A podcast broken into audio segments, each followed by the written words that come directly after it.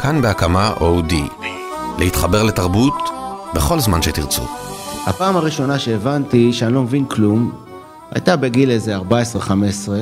צ'רצ'יל אמר, האמת הוא לא אמר, אבל אומרים שהוא אמר, שמי שלא היה קומוניסט בנעוריו, אין לו לב. אז אני כנראה היה לי לב, הייתי ממש אה, ילד כזה שמאמין שכל העולם צריך להיות בסחר חליפין, וצריכים לבטל את הרכוש ואת הלאום, ואת הלאום, וכולם צריכים, אה, מישהו צריך לגדל עגבניות, ומישהו אחר צריך לגדל מלפפונים, והכל יהיה בהחלפות כזה, וכל העולם יהיה שוויוני ונהדר וזה. בעיקר זה היה רעיון אה, מהפך לב, של סוף סוף יהיה שוויון בעולם. ולא יהיו כאלה שלמעלה וכאלה שלמטה.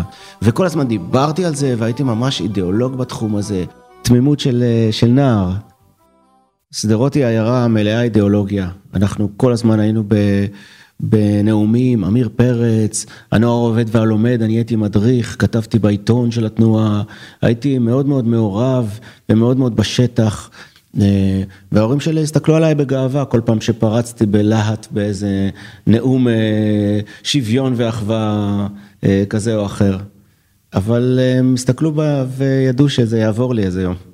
והיה לי חבר אה, נחמד מאוד ושתקן, קראו לו מאיר גנון.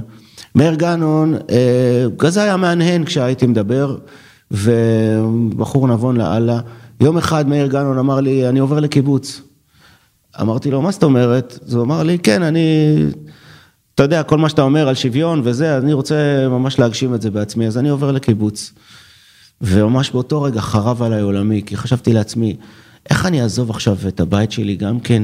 הוא הולך להגשים, אה, אני רק דיברתי, והוא הולך להגשים עכשיו איזה משהו.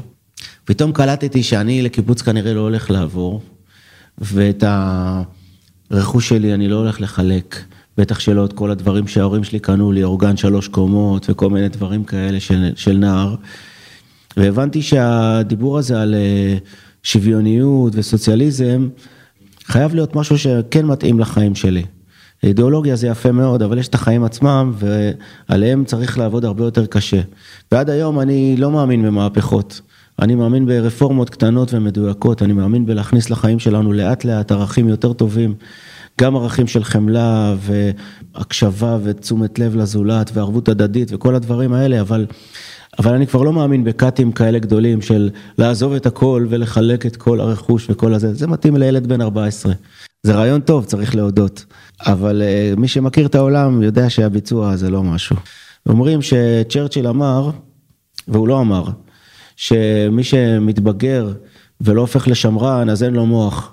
אז אני גם כן כנראה התבגרתי והפכתי קצת ליותר שמרן, פחות uh, קומוניסט, אבל מסתבר שיש לי אולי לב וגם מוח.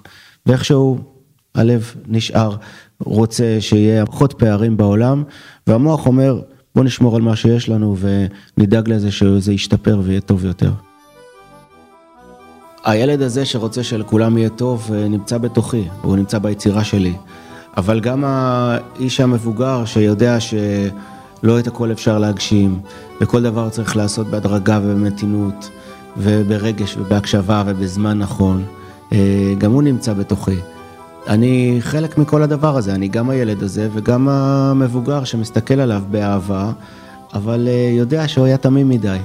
אני לא מתגעגע לילד הזה, אני שמח שעברתי בתחנה הזאת, אבל אני חושב שהזמן שה... שאני נמצא בו עכשיו, שבו אני איכשהו ממשיך את המחשבה של ההורים שלי ושל סבא שלי, ממשיך איזו תחושה של מתינות ספרדית, אה, מתינות מזרחית.